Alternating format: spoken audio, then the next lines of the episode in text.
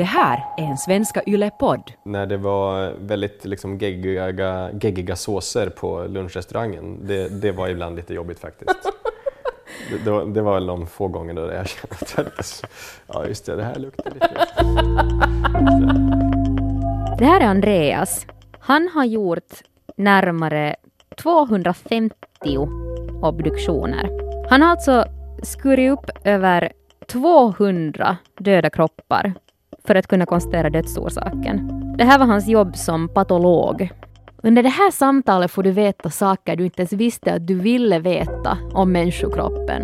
Hur känns en människohjärna?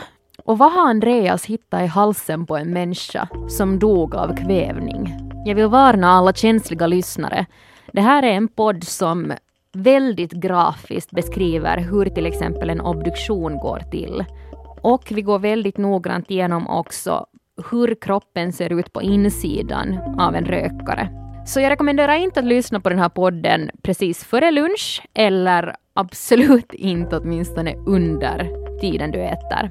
Det här är Andreas berättelse. Jag heter My Engström. Det här är Imperfekt.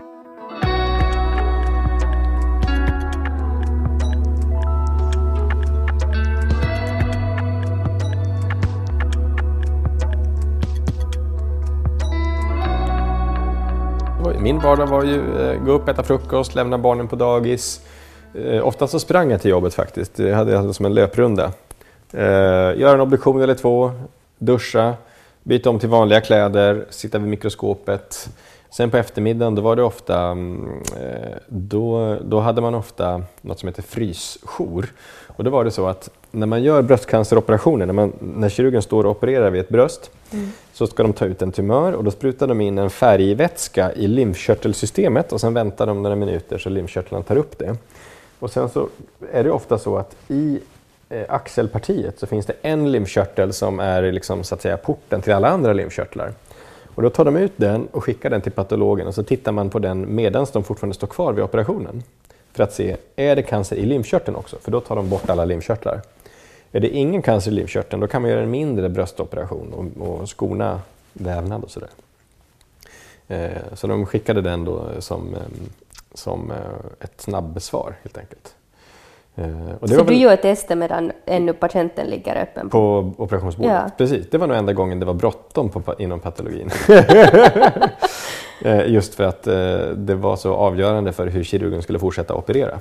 Men kändes det inte stressigt då att göra det testet när du vet att det är någon som ligger öppen på ett operationsbord någonstans? Det gick så fort att kolla det så att säga. För att de frystes ner med flytande kväve och så var det en maskin som skivade upp det. Och så, blup, så lades det ut på ett glas och så tittade man, tog bara några minuter kunde man se. Eh, när man hade vant sig vid det ett tag så blev det ganska lätt. Man kan jämföra det som att leta svamp i skogen. Men den första gången när du inte vet hur svamp ser ut så vet du liksom inte ens vad du ska leta efter. Och sen läser du en bok, så här, ja men så här ser kantareller ut. Och sen så när du tittar i skogen nästa gång, då ser du liksom var kantarellerna är någonstans. Alltså, så, så var det ju att titta på cellerna också. Först såg alla celler likadana ut, men sen när man lär sig veta ja, men de, det här är cancercellerna, de ser ut på det här viset. Mm. Ja, men då, då var det inte så svårt. Men blir du inte, alltså för jag, jag tänker att om man jobbar så där mycket med cancer i vardagen, mm. så blir det inte som att du ser cancer överallt då? Nej, det var snarare tvärtom. Man blev väldigt avtrubbad. Um, alla som går läkarutbildningen genomgår nog någon form av sån här hypokondrifas. Så först tror alla att alla har allting, men sen när man är igenom den inom citationstecken krisen, då de flesta är inte oroliga för någonting utan blir kanske nästan tvärtom lite för lite oroliga om sin egen hälsa. så att säga. Varför det? Nej, jag vet inte riktigt. Man inser väl att det ändå är ganska de flesta cancerformer är ändå ganska ovanliga. Att det statistiskt sett är ganska onödigt att gå runt och oroa sig för det tror jag. Man lär sig tänka lite mer rationellt. Så, I alla fall blev det så för mig. Mm. Jag hade nog en kortare hypokondrifas där under läkarutbildningen men sen när man liksom fick mer fakta på bordet så kunde man eh, släppa oron faktiskt. För jag, alltså, jag hade typ två alternativ efter gymnasiet. Det var antingen bli läkare eller sen journalist. Men sen var jag så trött på att plugga så jag valde journalistik. Men sen har jag under min mediekarriär utvecklat hypokondri. Och så har jag tänkt alltid att vad bra att jag inte blev läkare, för att antingen så skulle jag ha fått psykiskt sammanbrott för att jag skulle ha fått alla diagnoser i världen av mig själv. Eller sen skulle jag ha blivit någon stor konsument av mediciner för jag skulle bara skriva ut en massa recept åt mig. Eller ha människor att skriva ut dem åt mig. Men, men det där låter ju nästan som det där ska vara en snabbskola för att bota det. Jo, men det tror jag. Jag tror, jag tror de flesta eh, faktiskt blev mindre oroliga för sin egen hälsa i slutändan för att det blev lite avdramatiserat också. Mm. Eh, faktiskt. Även själva dödsbegreppet kände jag blev också avdramatiserat. Det blev det ganska fort på läkarutbildningen för redan andra terminen så började vi göra obduktioner för att lära oss anatomi för det måste man ju lära sig innan någonting annat. Det var alltså människor som hade dött av helt naturliga orsaker, men där dödsorsaken ändå måste bekräftas på något sätt, som till slut hamnade på Andreas obduktionsbord. Det som många inte vet är att faktiskt 95 procent av en patologs arbetstid går till att diagnostisera cancer. Jag hade ingen aning om det här. I början så, så jobbade Andreas på ett sjukhus där det faktiskt kom in ganska mycket människor som hade dött av naturliga orsaker. Men generellt sett så kan en patolog ha så lite som en obduktion i månaden. Andreas hamnade in på den här banan helt av en ren slump.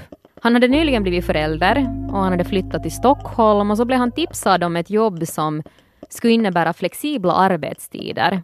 Och det här var då ett jobb inom patologin. Ja, alltså egentligen obduktionerna var ju inte så himla nice. Det var inte så att jag mådde psykiskt dåligt av det, det gjorde jag faktiskt inte. Man vande sig vid det ganska snabbt. Men, men eh, det var ju eh, det var ett nödvändigt ont skulle man kunna säga. Eh, men det var, ja, nej, men det var, det var ju man var ju lite ödmjuk inför det så att säga, för det var ju ändå en person som hade dött och man ville ju kunna ge anhöriga svar och det var ju, man, man tog det på allvar så att säga. Eh, så det gjorde ju att man, man ville göra ett bra jobb. Eh, men eh, det var ju liksom inte... Nej, det var, framförallt för mig så tyckte jag att det var väldigt besvärligt med alla lukter. När man klipper upp en tarm luktar det ju fruktansvärt. Eh, och sådär. För det där är ju min bild också, att jag tror att det svåraste skulle nästan vara, vara lukten. Jag har också en ja. bild kanske den där sterila lukten i rummet i sig. Ja, ja precis. Mm. Men var det just det där liksom olika inälvorna som... Ja, precis. Och ibland så var det ju... Ja, precis. Det, det, luk, det luktade ju på ett speciellt sätt så att säga. Och jag, jag är ju en väldigt matintresserad person. Jag samlar på champagne och provar champagne och gillar god mat och dryck så att säga. Så att jag, eh, det var inte så att jag, nej men som sagt, jag mådde inte psykiskt dåligt av det, men det störde ändå på något sätt min världsbild att behöva utsättas för de lukterna. Liksom. Och sen jobbar man ju mycket med formalin också och formalin är ju ganska irriterande för luftvägarna. Och jag var väldigt känslig för det där så att jag började, jag, jag fick en hel del luftvägsbesvär och började tappa luktsinnet. Och det var också en av anledningarna till att jag hoppade av faktiskt. Framförallt så hoppade jag av för att jag ville ha patienter igen. Det var ju liksom den primära orsaken, att jag ville byta inriktning. Men en bidragande orsak var faktiskt att det var, jag, jag fick så mycket det var välventilerat och sådär, men du vet alla har väl olika känslighet antar jag. Men det, det blev så himla mycket... Vad är det alltså? Formal... For, formalin är ett fixationsmaterial som, som du um, använder när du ska förhindra någon vävnad från att ruttna i princip. Så om till exempel någon hade en misstänkt stroke eller någonting sånt, då la man in hjärnan i formalin för hjärnan är ju egentligen, hjärnan naturligt sett är den ju väldigt mjuk. Den är ju liksom som en mjuk leverpastej i konsistensen. Liksom, sätter man ner ett finger så blir det ju blir det ett hål. Men om man lägger den i formalin då blir den som suddgummi nästan. Den blir liksom hård och kompakt och man kan liksom skiva upp den och titta och leta väldigt noggrant efter vad det är för någonting som de har dött av. Eh, men formalin är ju också extremt irriterande för luft. Det är ett väldigt starkt ämne så att säga och väldigt irriterande för luftvägarna. Och det var egentligen inte bara obduktionerna utan alla, alla, allt material som kom in till oss där vi skulle kolla om det är cancer. Det var inte alltid så att det kom färdigförpackat i objektsglas. Ibland kom det ju liksom en utopererad livmoder liksom, som ligger i en burk med formalin och så ska man skiva upp den och leta efter om det finns cancer någonstans. Och det är ju också indränkt med formalin och luktar ju liksom väldigt starkt. Så man jobbade ju i det där hela tiden. Och vid något tillfälle så hade vi en hel del, vi hade ju som brist på doktorer, så vid något tillfälle så hade vi ju ett system med där eh, patologer från Ungern kom till oss och hjälpte oss med diagnostiken. Och då var det någon, någon, eh, någon patolog som, eh, ja, vi, vi, vi satt någon gång och det var fika på morgonen och jag sa liksom, ja men vad gott det doftar om, om bullarna.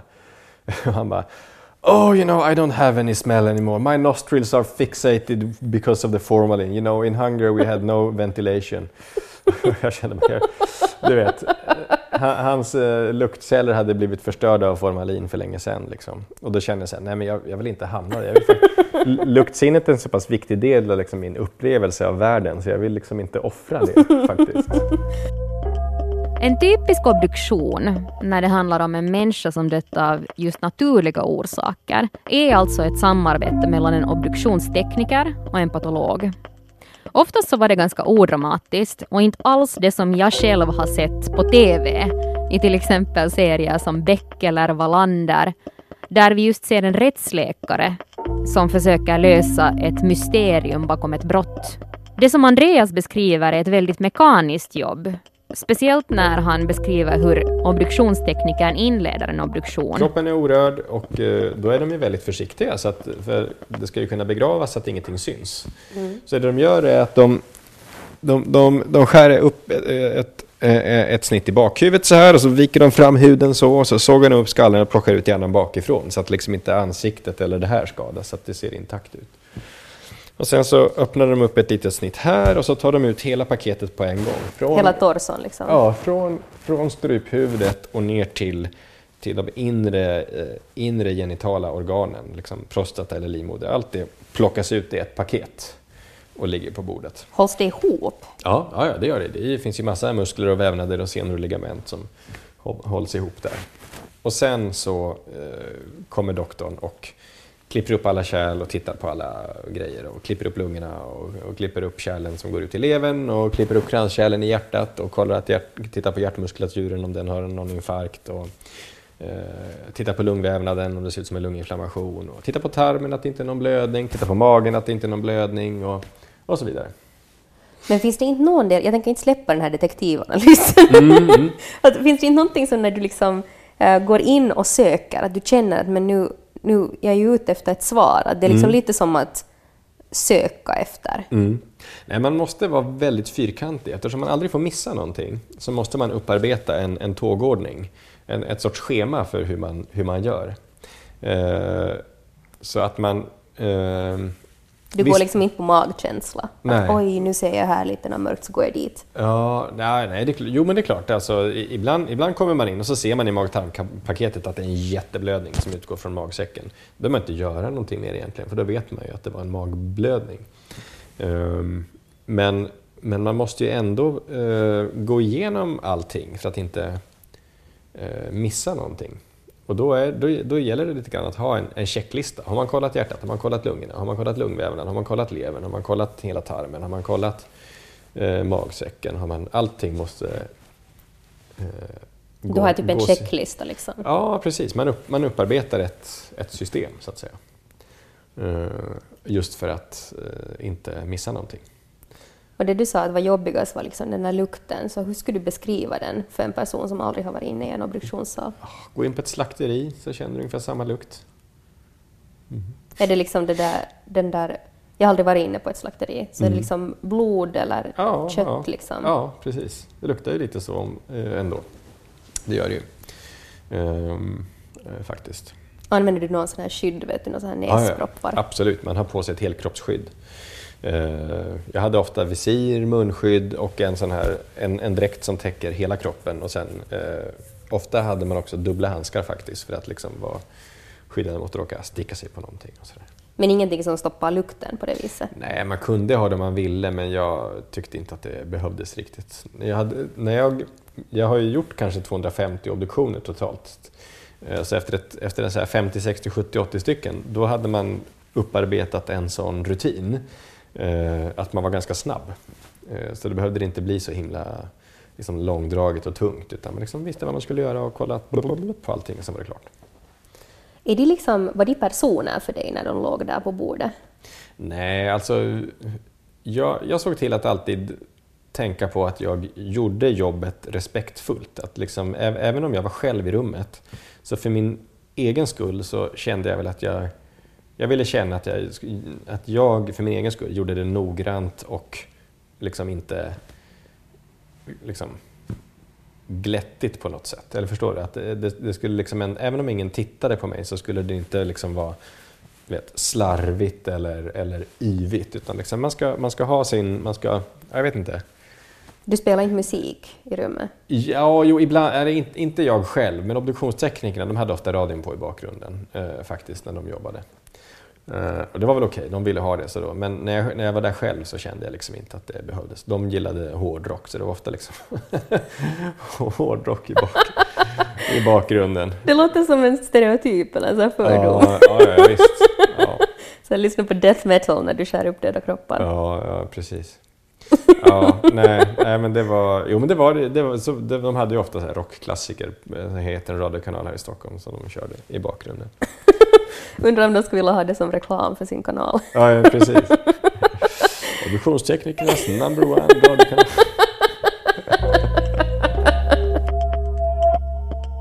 Fast jag förstår att man vänjer sig vid det mesta och Andreas beskriver det här jobbet som väldigt mekaniskt, så föreställer jag mig ändå att ha en död människa på bordet framför dig, så skulle åtminstone ansiktet alltså en död människas ansikte som på något sätt är ställt mot dig, vara ganska distraherande. Och någonting som åtminstone jag kanske skulle vilja täcka som en patolog i den här situationen. Oftast var det ju täckt, för att om du ursäktar detaljerna, så hade ju obduktionstekniken skurit upp här och vikt fram huden så här, så låg den ju över ansiktet. Ah. Så ofta såg man ändå, liksom, man såg bara eh, munnen i princip. Eh, så det var lite avhumaniserat från början kan man säga. Ja. Eh, faktiskt. Och visst, när du säger det så det kanske, kanske hjälpte lite grann. Ibland var det inte det. Det är inte alltid som folk tar ut hjärnan. Om man ser att det är en blödning liksom, så såg man inte upp skallen och bara skiva hjärnan för skojs skull. Utan lite liksom, begränsningar har man ju om man hittar en dödsorsak så att säga. Mm. Um, men, men visst, det, det bidrog väl lite också. Jag menar, om det ligger en kropp där och så är det här vikt över och så ligger det över så här och sen så är, det här öppet och liksom, organen ligger på ett annat ställe. Då är det liksom ingen människa ändå på något vis utan det är ändå bara liksom materia. Det blir, ganska, det blir inte så dramatiskt som många tycker. Så att säga. Ja, eller som det låter. Ja. Men det, har du någonsin upplevt någon sån där triumf i ditt jobb när du har lyckats liksom lösa en svårknäckt nöt? Ja, jo men absolut. Det, det, det har jag väl. Det, ibland så har det varit så att man har hittat en liten, liten propp i en, en, ett kranskärl eller hittat liksom att någon hade faktiskt inhalerat en potatis i luftvägarna och dött av kvävning. Eller liksom, Fanns potatisen kvar då? Ja, att man liksom hittade någon, verkligen någonting som ingen hade väntat sig. så att säga. Nu fanns det ändå stunder med det här jobbet som Andreas upplevde att var speciellt svåra. När det var väldigt liksom geggiga, geggiga såser på lunchrestaurangen, det, det var ibland lite jobbigt faktiskt. Det, det, var, det var väl de få gånger då jag kände att ja just det, det här luktar lite... Så. Men då tänkte jag så här, nu ska jag inte låta det här påverka mig. Nu ska jag fan äta den här maten. Jag ska inte börja liksom undvika saker. Så att då såg jag till att aktivt äta den maten i alla fall. Just för att liksom komma över den tröskeln. Vad var det de här såserna påminde om? För att jag har svårt att se att någonting är geggigt. Mag och tarminnehåll. Ja. Finns det sånt kvar? Ja, ja precis. Det, ju, det klassiska är ju att det blir ofta fler obduktioner efter jul. För att det är många som dör för att de äter för mycket på julafton. Nej. Eh, inte att de äter ihjäl sig, men, men stora, feta, energirika portioner hos folk som är hjärtsjuka är en risk faktiskt. Du kan, du kan dö av hjärtinfarkt för att kärlen proppar igen om du liksom från, redan från början ligger på gränsen. Så det, var, det trodde jag var en, liksom, en myt att folk skojade om det där. Men det var, vi såg alltid en liten ökning av eh, hjärtrelaterade dödsfall efter jul och nyårshelgerna. Så klipper man upp magsäcken och den är full med julskinka och skit. Liksom. Och så tittar man på hjärtat och så har de någon propp i något kranskärl. Liksom. Så, det, så var det faktiskt. Men det inte, en, en ung frisk individ kan inte äta ihjäl sig på julafton. Det krävs liksom att du är äldre, att kärlen är trånga och sen är det ju så, det kan du göra någon gång i livet. Ät en fet hamburgare med pommes frites och sås och läsk och sen så tar du ett blodprov på dig själv direkt efteråt. Blodet är fyllt med fett. Det, det är, verkligen, det är verkligen så att, att un, liksom timmen efter en fet måltid så har du mycket fetare blod. Kroppen tar ju upp fett och, och, och, och protein och, socker och allting. Och vad tar det vägen? Jo, men det är ju i blodet. Det är ju liksom, det lagras in socker i, i, i levern och energi går ut i muskler och vävnader och allting sånt. Men under liksom timmen efter en måltid så är blodet väldigt mycket tjockare, flockigare och fetare. Och det är det som gör att om du är gammal och hjärtsjuk och har liksom trånga kärl så kan det räcka med liksom, du kommer till en tröskel där du liksom efter en stor fet måltid får en hjärtinfarkt. Så så är det faktiskt. Herregud. Ja. Men... och det, var ju, det, var, det var ju lite lärorikt också. Man såg ju när man obducerade eh, vad olika levnadsvanor gjorde med folk. Rökare hade jättestela kärl. Du klipper det krasar och det är som att klippa upp en lyktstolpe. Liksom. Rökning måste jag säga, det är verkligen det som sabbade kroppen eh, mest av allt. Ehm, medans, eh, ja, nej, men det, var, det var väl ändå det som, som påverkade kroppen mest. Många tror ju, många rökare, de försvarar ju sin rökning med att nej men du vet det är så liten ökad risk att få lungcancer, du vet de flesta rökare får ju inte lungcancer. Och så är det ju, de flesta rökare får inte lungcancer. Men det är inte bara lungorna du förstör med rökning. Det är ju njurarna, blodkärlen, hjärnan, eh, eh, ja, det mesta egentligen. Såg du allt det här? Ja, absolut, absolut. Det är ju... Eh, Hjärnan har jag inte hört så mycket. Ja, nej, men du får ju, du får ju stela blodkärl överallt och då, då, får du ju, då kan du ju få eh, eh, stroke och infarkter och allt möjligt där också. Så rökning, eh, rökning är definitivt farligare än vad det framställs i, i media, helt klart. Skulle jag säga. Det, det är där jag är förvånad att man inte har totalt förbjudit rökning egentligen, för det är så extremt skadligt för kroppen. En, jag hade en kardiolog som jämförde det där för mig en gång, därför att om man tittar på hur farlig rökning är, där är det så att tänk dig att du röker ett paket om dagen. Och då ökar du din risk för hjärt-kärlsjukdomar och cancer och sånt. Så att om, om risken för en icke-rökare är golvet mm. och risken för den som röker ett paket om dagen är taket, så tänker vissa så här, nej men jag, jag, jag trivselröker bara två cigg om dagen, en cigg om dagen. Om noll cigaretter är golvet och ett paket på 20 är taket, så har du ändå en sån här risk vid en cigarett om dagen. Mm. Så att det spelar ingen roll om du drar ner på, på, på rökningen lite grann. Risken blir nästan lika stor. Så om du röker en till två cigaretter om dagen, då kan du lika gärna röka ett helt paket. För den riskskillnaden är så liten. Man måste sluta helt för att ta bort risken. Det där är sjukt, för de flesta pratar ju om att det handlar om just liksom... Alltså, klart, mindre är ju alltid bättre, eller ah, hur? Ja, Men ändå att det ska vara så mm. fundamental stor ja. skillnad mellan 0 och 2. Ja, ja, och det är klart, om man hårdrar det. Om du röker en gång om året, då har du ingen ökad risk överhuvudtaget.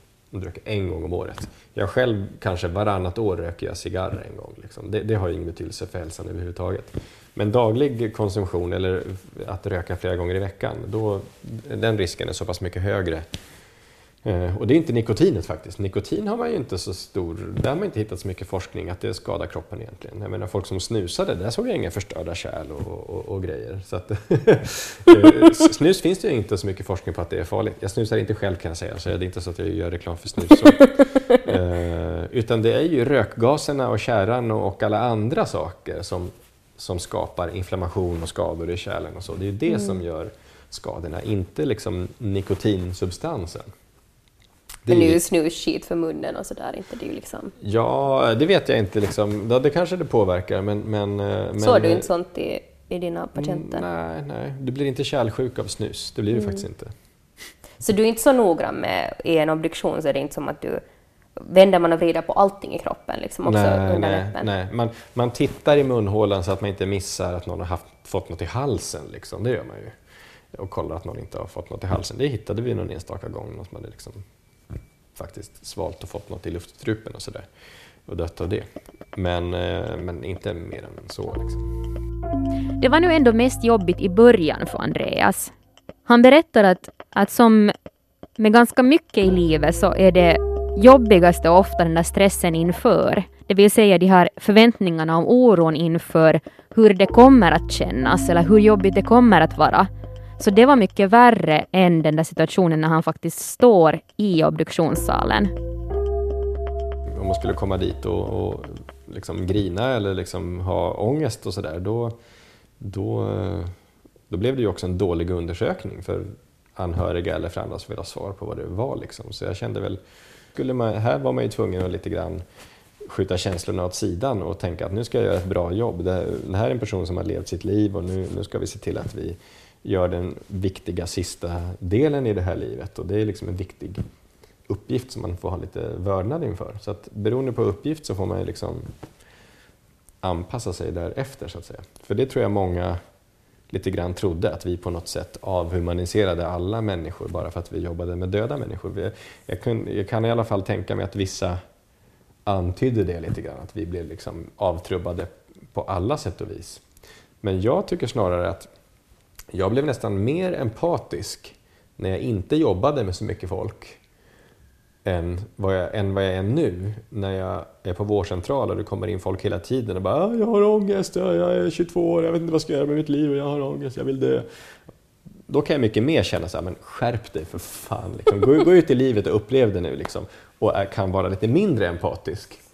Men när jag inte träffade så mycket folk, då kunde jag då kunde jag liksom spara på min empati, förstår du? Ja. Um, så för min del så var det liksom nästan tvärtom, att jag blev Ja, för, förstår du vad jag menar? Ja, alltså, eller jag, jag känner igen det där från min främsta referens är ju liksom typ läkarserier. Ja. Men där är ju så att de som jobbar på akuten är ju tvungna att ta hand om så mycket människor, mm. så man blir liksom lite så överexponerad också ja. till smärta och annat sånt. Mm. Så det blir som en överlevnadsmekanism också att jag kan inte stanna vid varje Nej. och liksom älta för att då bräcker jag inte till. Exakt. Medan ja. sen om inte du har någon emotionell liksom, utsättning så ja. finns det de där enstaka som du sen...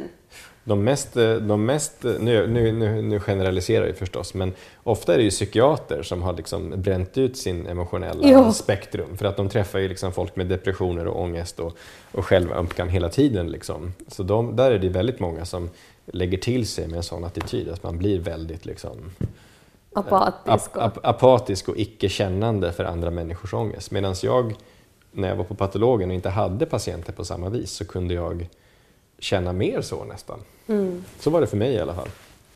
Men det där är vet, jätteintressant för att jag har kanske också haft en sån fördom om att människor som har sysslat med sånt här mm. um, är jättespeciella. Nej, men om man tittar på den äldre generationen eh, patologer, eh, de som jag jobbade med som kanske blev patologer på 60 och 70-talet, där var det nog många som kanske valde det för att de inte riktigt var people persons, eller vad man ska säga.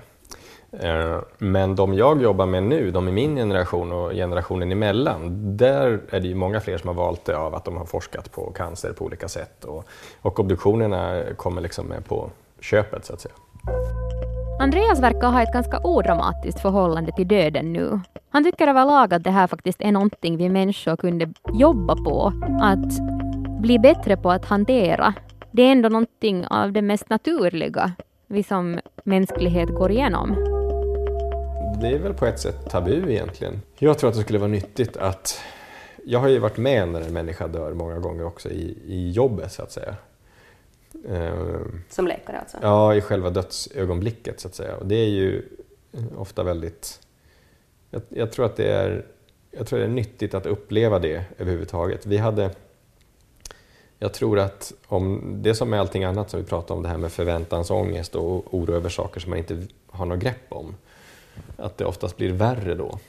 Eh, jag brukar ta som exempel under andra världskriget eh, när London bombades så var, ju, så var det väldigt många barn som skickades från sina föräldrar ut på landet för att liksom skonas från kriget och bomberna och sådär. Men sen var det också en hel del barn som inte hade råd och, eller hade några släktingar utan det fanns ju många barn kvar i London såklart som fick springa ner i skyddsrummen när bomberna föll och liksom verkligen aktivt se vad som hände, att när husen gick sönder och folk dog och, och sådär.